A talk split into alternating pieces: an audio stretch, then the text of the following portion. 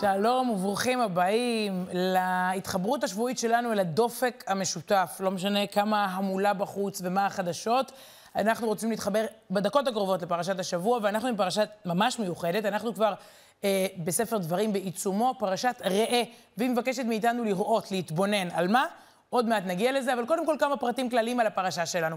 זו הפרשה הרביעית בספר דברים. אנחנו בחומש בספר דברים, האחרון בתורה, היא הפרשה הרביעית בספר הזה. מופיעות בה, שימו לב, 55 מצוות, לא פחות, מתוך 613. התרי"ג המפורסמות, אפשר להגיד כמעט 10 אחוז. 55 אצלנו, בפרשה שלנו. והיא פותחת בבחירה החופשית, המשפט המפורסם שפותח את פרשת ראה. ראה אנוכי, נותן לפניכם היום ברכה וקללה. מה קורה כאן? קודם כל, אנחנו בנאום של משה רבנו, תמיד צריך לזכור את ההקשר. ספר דברים כולו הוא ספר של דיבורים, משה רבנו מדבר. עכשיו, היום הוא מדבר איתנו, קודם כל, על נושא הבחירה החופשית. תראה, בעצם, הוא אומר, תסתכל. אני, זה לא משה, זה אלוקים, אני נותן לפניכם היום ברכה וקללה, תבחרו.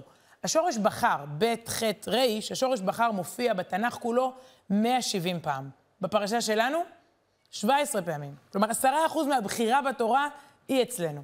זה מאוד רלוונטי, אני חושבת, איכשהו לתקופת השנה, כי אנחנו גם ערב ראש חודש אלול, שמתחיל חודש שכבר לוקח אותנו אל החגים, חודש של תיקון ותשובה ושיפור וחשבון נפש, וגם ערב, יום קדוש לא פחות, ה-1 בספטמבר, חוזרים אל הלימודים. אז אנחנו הרבה נעסוק בנושא הבחירה שהפרשה מציבה בפנינו. משה רבנו מציג בפנינו כל מיני דרכי חיים, והוא אומר, תבחרו. ולקראת שנה חדשה, ולקראת שנת לימודים חדשה, אני חושבת שאנחנו עומדים בפני המון בחירות חדשות. כל כך הרבה משפחות, ילדים, עוברים דירה, עוברים בית ספר. אנשים מתחילים שלבים חדשים בחיים, לימודים, שירות, אה, כל מיני עבודות, מעברי דירות, אה, פוזיציות חדשות. לא סתם, אה, השיר הזה הוא כל כך פופולרי. אני חושבת שהוא פשוט זעקה פנימית שכולנו שואלים את עצמנו אותה כל כך הרבה פעמים.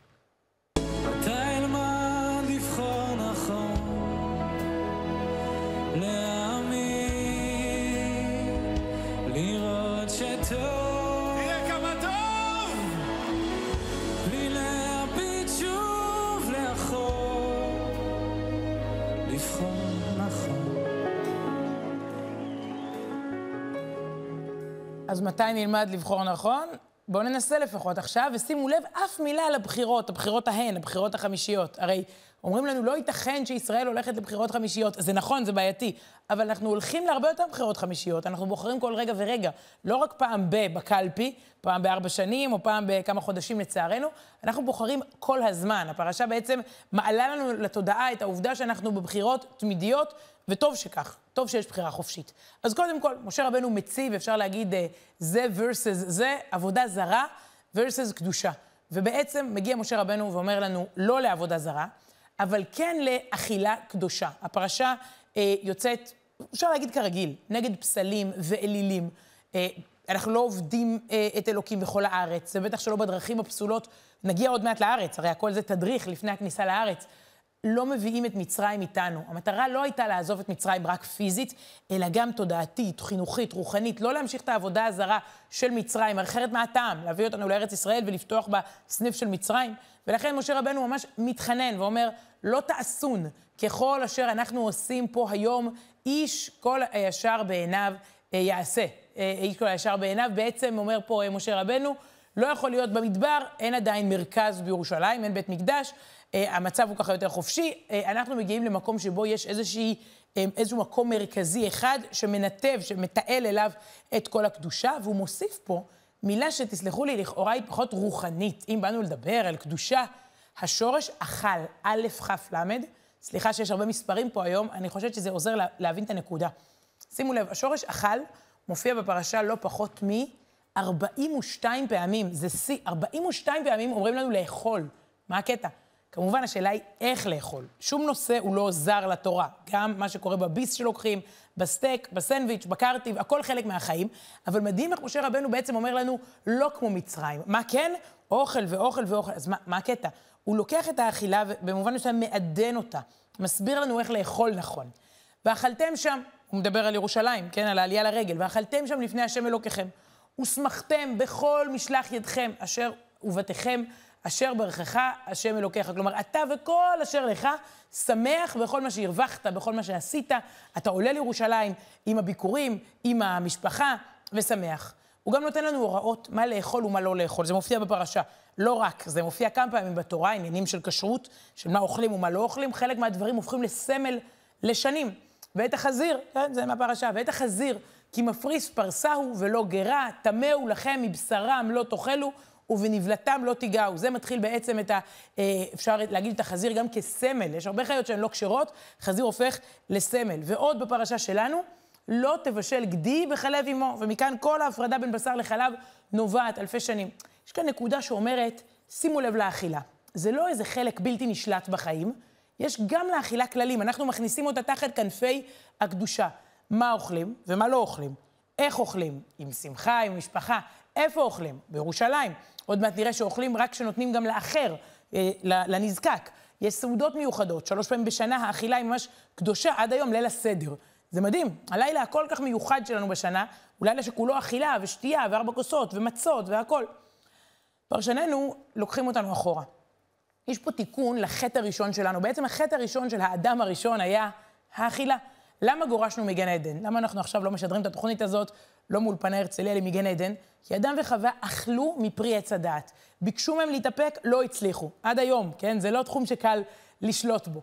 באה הפרשה, 42 פעמים אומרת, כשאתם נכנסים לארץ ישראל, תראו איזה חברה אתם, של אכילה, של תאווה, של בלי לשים לב, לחלש, לזולת, לאיך מרוויחים את הכסף, לאיך אוכלים, ואנחנו לאורך כל מעגל השנה כאילו מתקנים את אותו חטא ראשון.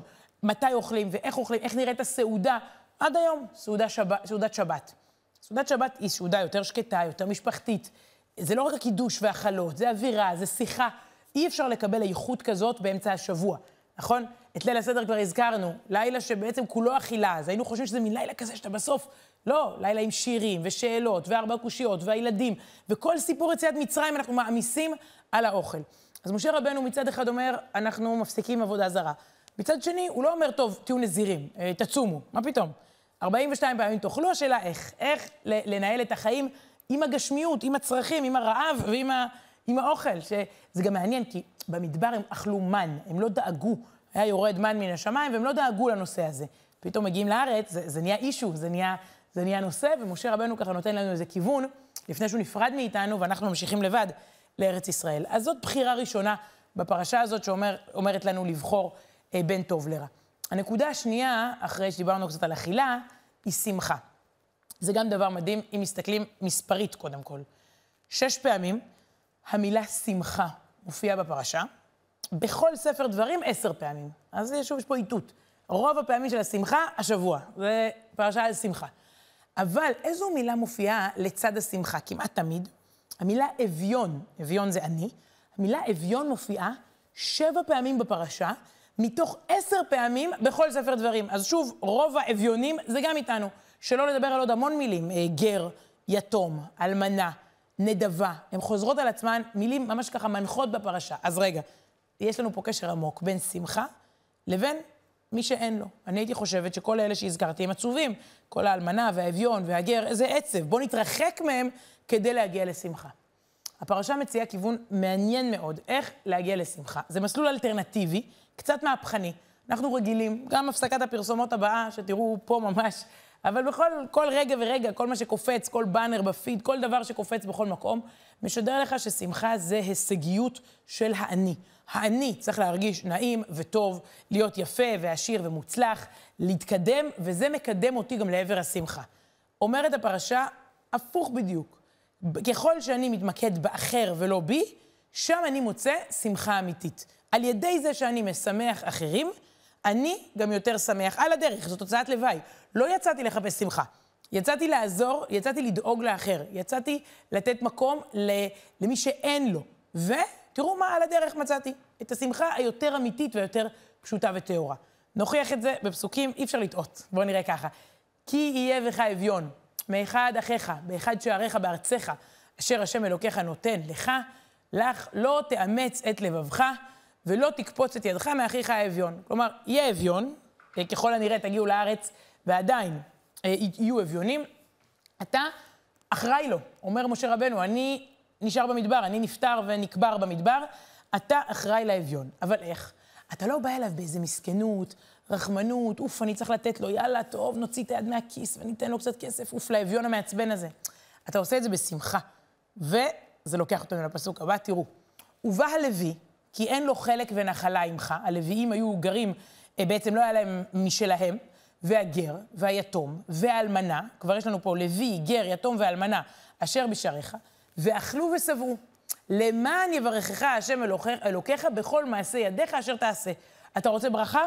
לך ללוי, ליתום, לגר, לאלמנה, לאביון, תדאג להם, אתה מקבל ברכה. הפסוק הבא אפילו עוד יותר מפורש. שוב, זה תמיד בא ביחד, השמחה והאלה שהם כאילו עצובים. ושמחת לפני השם אלוקיך, זה ממש, תסתכלו, ושמחת לפני השם אלוקיך. אתה ובנך, ובתך, ועבדך ואמתך, והלוי אשר בשעריך, והגר והיתום והאלמנה אשר בקרבך, במקום אשר יבחר השם אלוקיך לשכן שמו שם. כלומר, אתם עולים לבית המקדש לירושלים, המקום אשר יבחר השם, אתה עם המשפחה שלך, בוא רגע נסתכל מה הולך פה, זה אתה והבן והבת והעבד שלך, ואתה מצרף אליהם עוד תמותם, והכותרת היא ושמחת. אתה שמח יחד איתם. אתה לא מארגן סעודה משפחתית וזורק להם איזה שקל מהכיס, אתה שמח ביחד איתם. לא הבנת את המסר? עוד פסוק, בבקשה, אמרנו, הפרשה נדיבה, נדיבה באזכורים, שימו לב לדבר הבא. ושמחתם, כן, זה, איך, איך לשמוח? ושמחתם לפני השם אלוקיכם. אתם, ובניכם, ובנותיכם, ועבדיכם, ואמותיכם, והלוי אשר בשעריכם, כי אין לו חלק ונחלה איתכם. פעם אחר פעם בעצם זה שאין לו מוזכר עם זה שיש לו, ואם הם מתערבבים, נוצרת שמחה. ואולי פסוק אחרון, יש עוד, למי שעוד לא קלט את המסר, הפרשת ראה מחכה. ושמחת, שוב הציווי הזה, אה, לחיות פה מתוך שמחה, ושמחת. שמחת בחגיך, כן, זה מפורסם. מי? אתה ובנך ובתך ועבדך ואמתך, ו... והלוי, אה, והיתום והאלמנה אשר בשעריך, שבעת ימים תחוג להשם אלוקיך, במקום אשר יבחר השם, כי יברכך השם אלוקיך בכל תבואתך ובכל מעשה ידיך, והיית אך שמח, רק שמחה. כלומר, אני לא מצאתי בפרשה הזאת שמחה שלא משולבת בה גם שמחתם של אחרים. נשמח אותם, נבורך, נקבל שמחות, נקבל טוב. יש פה משהו בלתי נפרד, בילט אין. רש"י כותב את זה בצורה מאוד מאוד נוקבת, הוא מציג את זה, אני זוכרת שפעם, פעם היה, זה משפט של נתניהו לדעתי, ייתנו יקבלו, לא ייתנו לא יקבלו. כאילו, אם אז. רש"י כותב על כך uh, בעסקת חבילה, כך הוא מציג את זה, כי עסקת חבילה די נוקבת, שימו לב. אומר רש"י כך, הלוי והגר והיתום והאלמנה, ארבעה שלי, כאילו הקדוש ברוך הוא אומר, אלה ארבעה שלי, ארבעה, כנגד ארבעה שלך. מי ארבעה שלך? בנך וביתך ועבדך ואמתך, העובדים שלך והבן והבת שלך. ורש"י סוגר ככה, שימו לב. כאילו אלוקים אומר, אם אתה משמח את שלי, אני משמח את שלך. אתם מכירים את הביטוי VIP, Very Important People, או Person, או אח"מים, אנשים חשובים מאוד?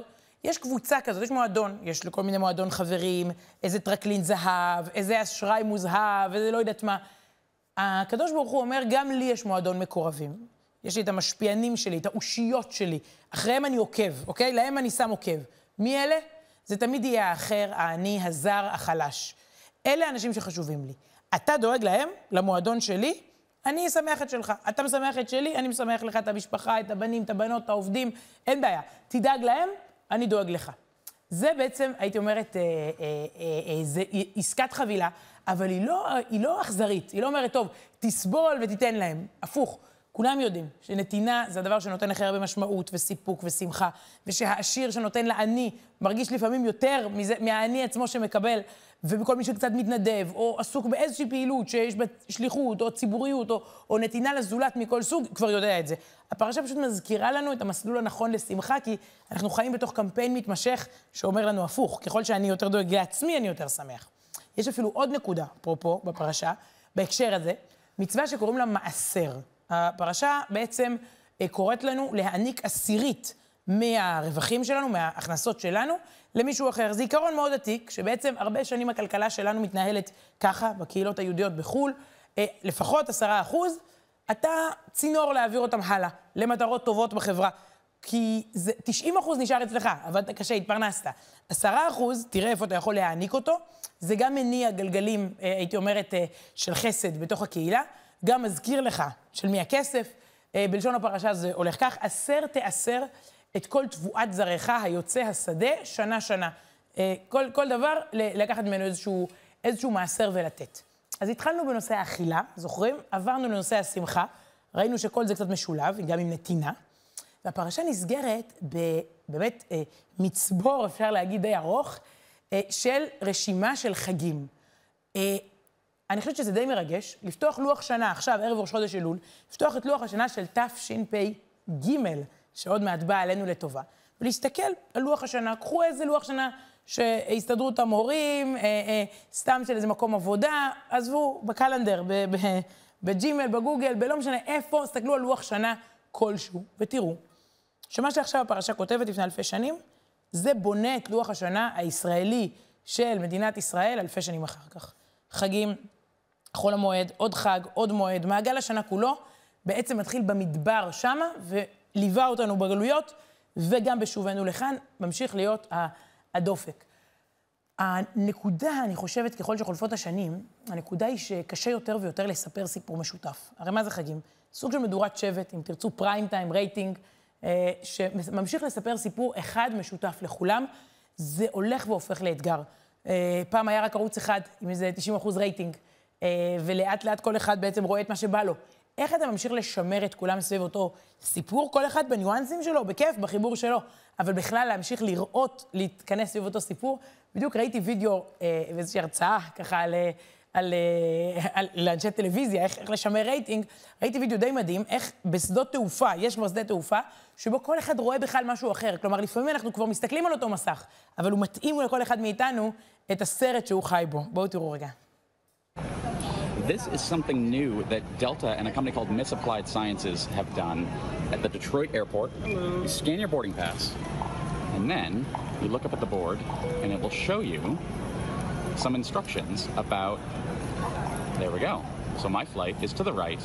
And the cool thing about it is you can have up to 100 people inside this box And they all see something different on the monitor because it's watching your location, seeing what direction you're looking, and everybody sees something different. Pretty crazy technology. It's from a startup.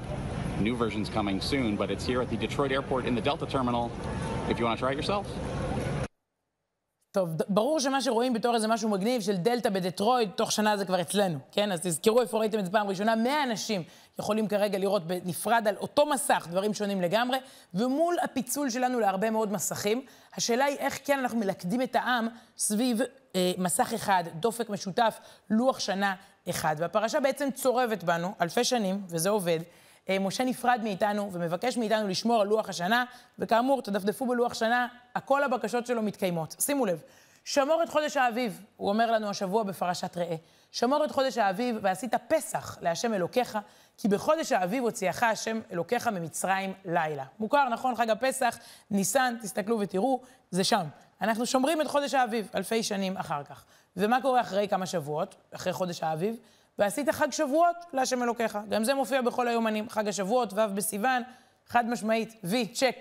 משה רבנו, אה, כן, נתן את זה שם ונפרד, וזה די מדהים שהדבר הזה שורד כ- כחלק מהאקטואליה, לא כחלק מההיסטוריה, זה לא איזה משהו מאיזה מוזיאון. ועוד, בהמשך הפרשה, חג הסוכות, תעשה לך שבעת ימים, גם את זה עד היום, איפה שלא תלכו תראו סוכות, בישראל, בעולם היהודי בכלל, חג הסוכות תעשה לך שבעה ימים, עושים, חד משמעית. למה? וזכרת, אומר לנו משה, זה הסיפור. וזכרת כי עבד היית במצרים, ושמרת ועשית את החוקים האלה. הסיפור של זיכרון, זה גם מילה מנחה בכל ספר דברים. משה רבנו נפרד מאיתנו ומתחנן, תזכרו, אל תשכחו מי אתם ומה אתם, אל תשכחו את הסיפור הגדול. ועובדה, כל הנקודות האלה נמצאות. יש נקודה שהוא לא מדבר עליה, אבל היא חלק מלוח השנה, חודש אלול. אה, בעדות רבות מתחילים כבר, בראש חודש אלול, לומר סליחות, אה, המנהג הוא גם להתחיל לתקוע בשופר, זה עוד לא תקיעות השופר של ראש השנה, ובטח לא של יום כיפור, יש עוד זמן, אבל בהחלט תקיעת השופר מתחילה ללוות, זה סאונד שמתחילים לשמוע אה, בתקופה הזאת, שבוע הקרוב בראש חודש אלול ש, אה, שמתקרב. והנה סרט קצת אמריקאי, קצת קיצ'י, אני מודה, אה, על אה, ראש חודש אלול ש, שמגיע אלינו.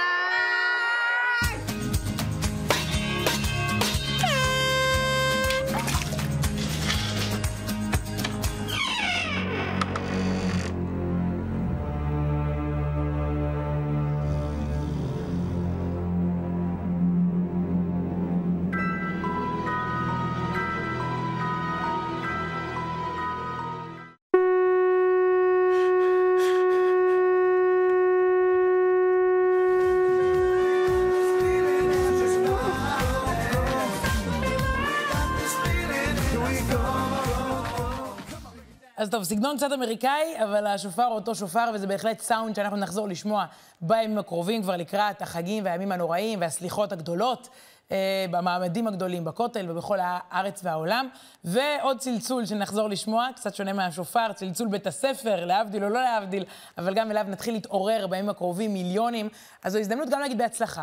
וגם לחזור על הנקודה המרכזית של הבחירה החופשית, הבחירה החופשית בשיעורים, בהפסקות, בשנה החדשה שלפנינו, בחירה חופשית להורים ולמורים, לתלמידים, לגננות, למי לא, זה הרי משפיע על, על מיליונים, אה, מערכת החינוך הזאת. ונזכיר את הבחירה החופשית המופלאה שמשה רבנו מזכיר לנו בפרשת ראה, נותן לנו את הטוב ואת הרע. הוא מדבר איתנו על כך שבמקום עבודה זרה, יצאנו ממצרים לכונן מערכת של מצוות, של אכילה נכונה, זוכרים? איך, זה לא מתי אלמד לבחור נכון, זה מתי אלמד לאכול נכון. כלומר, כל, כל, איך, איך שמחים בכלל. והנקודה השנייה היא כמובן שאכילה ושמחה חייבות להיות מתוך נתינה לזולת, לאחר. ולסיום הוא נותן לנו את החגים בתור מתנה של זיכרון, זיכרון שמלווה אותנו עד ימינו. אם תרצו, משה, שזה באמת רגעי חייו האחרונים בתורה, נפרד מאיתנו עם איזושהי תרופה, עם איזשהו תמהיל שהוא מעוניין להעניק לנו. המקום הוא ירושלים, והעם שמח, ויודע לתת, ויודע לאכול נכון, ולציין את כל מערכת החגים, ויודע לזכור מאיפה הוא הגיע. חתיכת מתנה, אני חושבת, קיבלנו ממשה רבנו לקראת שנת הלימודים והשנה החדשה. שיהיה חודש טוב ושנת לימודים טובה, ועוד לפני כל אלה, שבת שלום. תודה רבה.